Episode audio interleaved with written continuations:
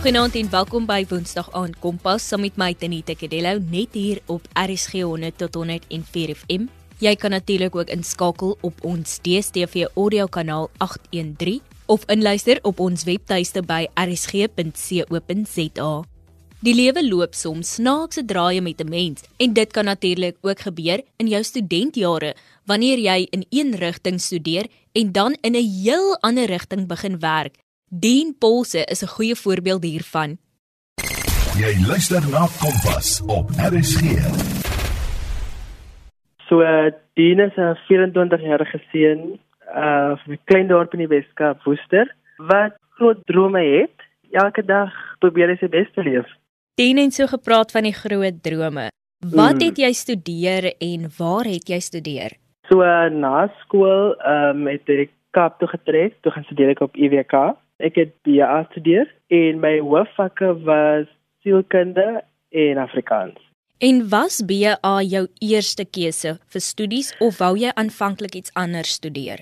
Om eerlik te wees aan die begin, jy weet as jy mos nou op skool is dan dan is ook klomp opsies en jy is nie seker van wat jy wil doen nie. En toe het ek 'n bietjie gaan oplees en toe kom ek op BA af. En toe lees ek nou weer dieper en toe besef ek, okay, this is something I like. Ja, toe doen ek BA en ek het 'n groot liefde vir mense en Afrikaans. So op 'n of ander dag toe werk alles uit vir my. En as jy nou nog kan onthou dien, hoe het jy die skuif vanaf hoërskool na universiteit ervaar en wat was vir jou van die uitdagings? Toe ek universiteit toe gaan, was ek nie, daar was nie vrees of uitdagings of enigiets van daai nie, want my broer het ook op UWK gestudeer. So hy het vriende gehad en daai tyd het ons gaan kuier op IVK. Sy het net my vertel van dit. So ek het 'n prentjie of 'n idee ook gehad van IVK.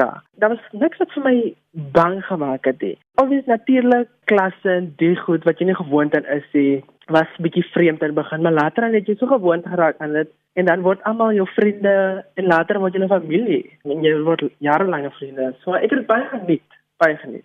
Met ander woorde, jy het al 'n voorsmaakie gehad toe jy nog op skool was. Yes, yes. Wat mos natuurlik lekker is en dit motiveer jou ook sommer meer, maar ek wil hier wees want kyk hoe lekker gaan dit hier.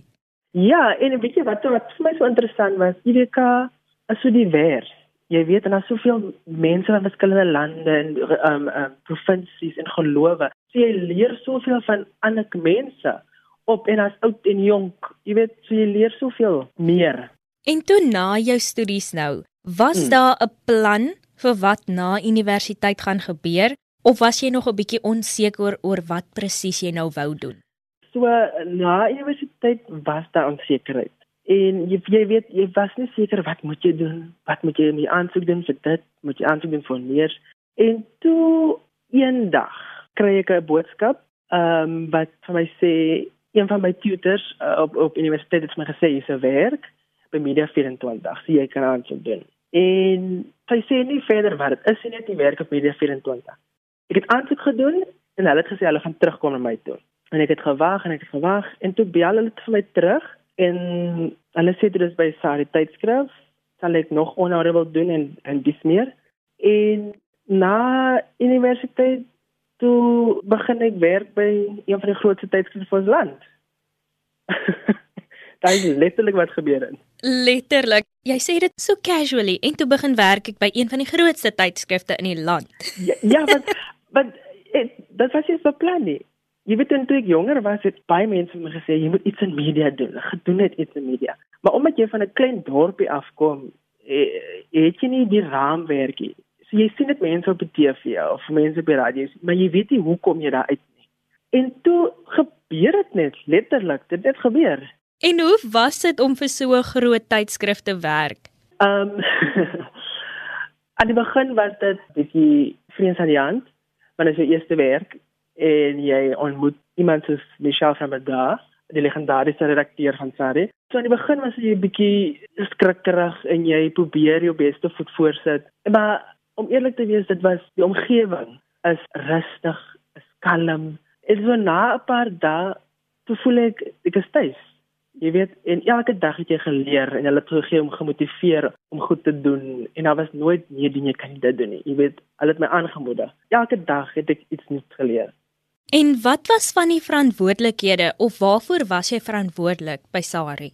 Um so aan die begin was dit als digitaal en toe het ek later aan omdat ek baie lief is vir mode en en al die goed het ek vir die modestilis gevra. Leer net bietjie wat jy doen. Jy weet, en toe dink ek begin modestories skryf. So later het, het ek 'n bietjie van alles begin doen op digitaal want ek was so lief vir alles daar. Dat net elke dag was iets anders om vir my te doen. En dit het natuurlik ruimte gelaat vir groei. Yes, elke dag se bietjie leer het gemaak dat ek meer en meer kan groei. En ek moet net vra, wat was van jou hoogtepunte in daai tyd? Daar was actually baie. Maar ek dink die eerste hoogtepunt was ek was seker my eerste week of twee weke by Sari. Dis hulle vir my, jy gaan saam met modespan op 'n fotosessie uh, met die nuwe meneer van Suid-Afrika en jy gaan 'n onhou doen. En daai tyd was dit Cameron Green. Sy was net aangewys as meneer van Suid-Afrika.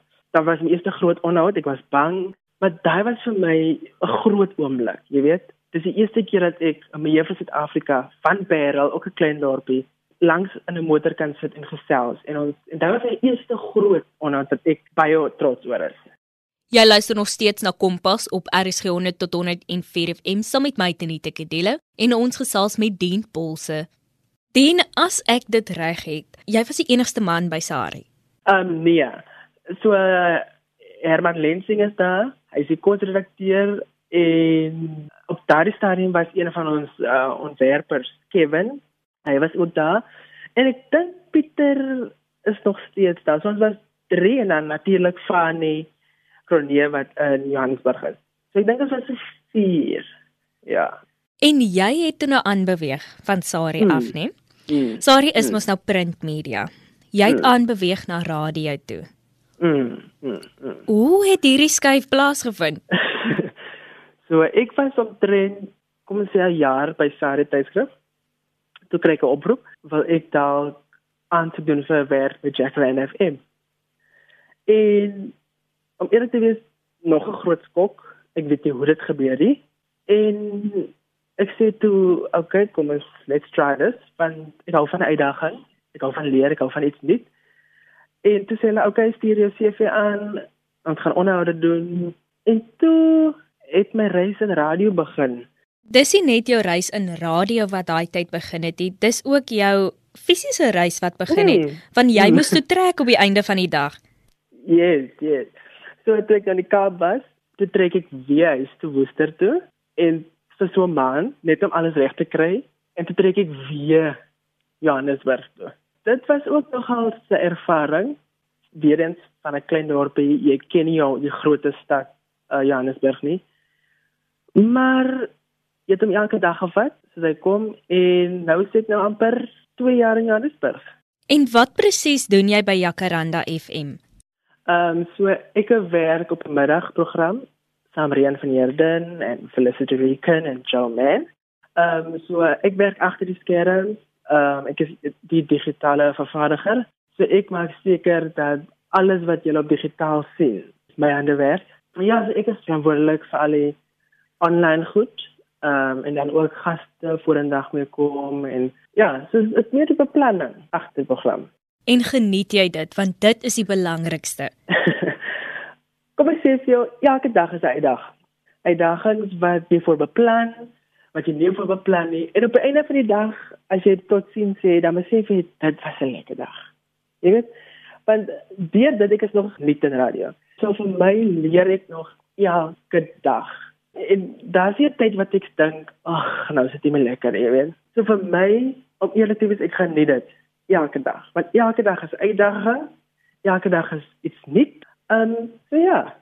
Dan dan kom ons by wat vir jou lekker is in hierdie bedryf. En behalwe nou vir die feit dat jy minder ure werk as gewoonlik. wat is vir jou nog lekker van in hierdie bedryf werk? Om eerlik te wees, die mense wat jy ontmoet. Want elke dag ontmoet jy iemand anders. Maak nie saak hoe beroemd hoe ryk, hoe arm, van waar af kom jy, elke dag ontmoet jy iemand anders. En daai persoon wat jy ontmoet, leer jy iets van. Jy leer 'n storie, jy leer meer van hulle agtergrond. Jy leer ken goed waarvoor hulle bang is of hulle drome deel hulle met jou. En daardie goed is vir my die mooiste van radio.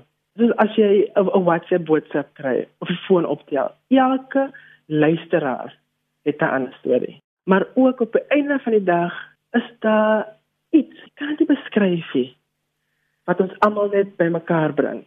Ek weet nie of dit meer menslikheid is of wat nie, maar dit is iets. En daai is vir my die lekkerste en die mooiste van die bedryf waarna ons is. Ek dink daai iets is die feit dat jy weet dat jy deel is van 'n platform wat 'n verskil kan maak of 'n storie kan vertel wat hoop gaan gee. Daai is die mooiste beskrywing en die regte beskrywing. Ja, en dit laat jou lekker voel, dat jy goed voel op die einde van die dag. Dan vergeet jy van al die druk wat op jou was, al daai stres. Ja, en en, en weet jy nee, wat vir my so lekker is van radio, jy dink hierdie gas gaan vir jou lekker laat lag en hulle gaan lekker stories deel. Maar dan kom maar iets uit wat hulle vir vertel dan heel almal. Of dan dink jy die gas gaan nou weer die mees dramatiese storie vertel. Maar by ander dag dan laat hulle jou so lekker lag. Is daai mooi oomblikke wat jy vasvang. En natuurlik het ons 'n fotograaf en 'n videospan wat al daai goedjies vir ons opneem. En dan kan ons dit weer na gaan kyk en dan besef jy we did a great job.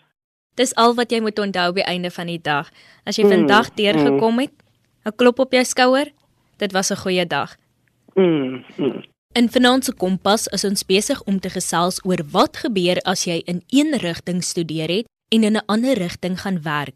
Dien Polse is op die lyn en ons het voor die breek lekker gesels oor sy studies, sy tyd in printmedia en hoe hy oorbeweeg het na radio. En nou gaan ons bietjie gesels oor wat die lekkerste is vir Dien om in radio te werk. Dien, dan wil ek weet, jy het nou genoem van die verskeie gaste wat jy ontmoet in die bedryf. Wat was vir jou van die hoogtepunte tot dusver by radio? Sjoe, dis nog 'n vraag nou. Ek dink natuurlik toe ek Jacaranda toe gaan, het ek met mense begin werk, soos uh Emma Smith, Lisa Laurie, Ilana Afrika Bedenkam, Rian van Eden, Felicity Weekend. Ehm um, so dis dis mense wat jy net op TV gesien het jy weet jy het gedink jy gaan hulle nooit ontmoet of van hulle leer. En nou is ek in daardie posisie dat ek elke dag saam met hulle is. En hulle leer my van media en hulle inspireer my. Maar nog hoogtepunte is uh soos byvoorbeeld good morning angels wat ons het wat duisende miljoene mense al gehelp het in die land. Um wat net daai bietjie ekstra hoop gee um vir mense wat nodig het. En dan nog uh hoogtepunte vir my is natuurlik die gaste wat jy ontmoet. Um, en dan hy een of twee bekendes wat jou asem wegslaan, soos Bonang. Sy was laas jaar of vorig jaar by ons. Ek dink dit was een van ons grootste gaste. En ons kan nou nog nie genoeg kry nie. ja. Ja, en dis so vreemd want dan besef jy eintlik, luister maar, hierdie mense is ook maar net mens. Yes, ja. En dit is en dit is my van ons platform wat vir my so lekker is. Hulle is letterlik net mens. Hulle maak foute, maar hulle is net mens. Soos ek en jy. dit is 100% korrek. Luister Den, ons het vroeër vinnig gepraat oor jou skuif vanaf die Kaap na Woester en toe hmm. weer na Johannesburg. Ehm um, was dit vir jou moeilik om aan te pas in Johannesburg want dit is 'n baie groter stad as Kaapstad. Mm, kom ek sê vir jou die lewe in Johannesburg soos ek dit ervaar is baie baie vinnig. Almal beweeg vinnig, almal doen goed vinnig. Almal is op 'n missie uit. Dis amper soos hulle daar sit tyd vir sit en rustig wees nie. So as jy van 'n klein dorpie afkom, besef jy hulle doen goed anders en daar moet ek aangepas het. Ehm um, daar is tyd vir rond sit en wonder en dink, jy moet dit dink doen. Maar natuurlik ook die leefstyl in Johannesburg is baie anders. So daar moet ek ook aangepas het aan die opsigte van hoe mense leef, hoe mense dinge doen.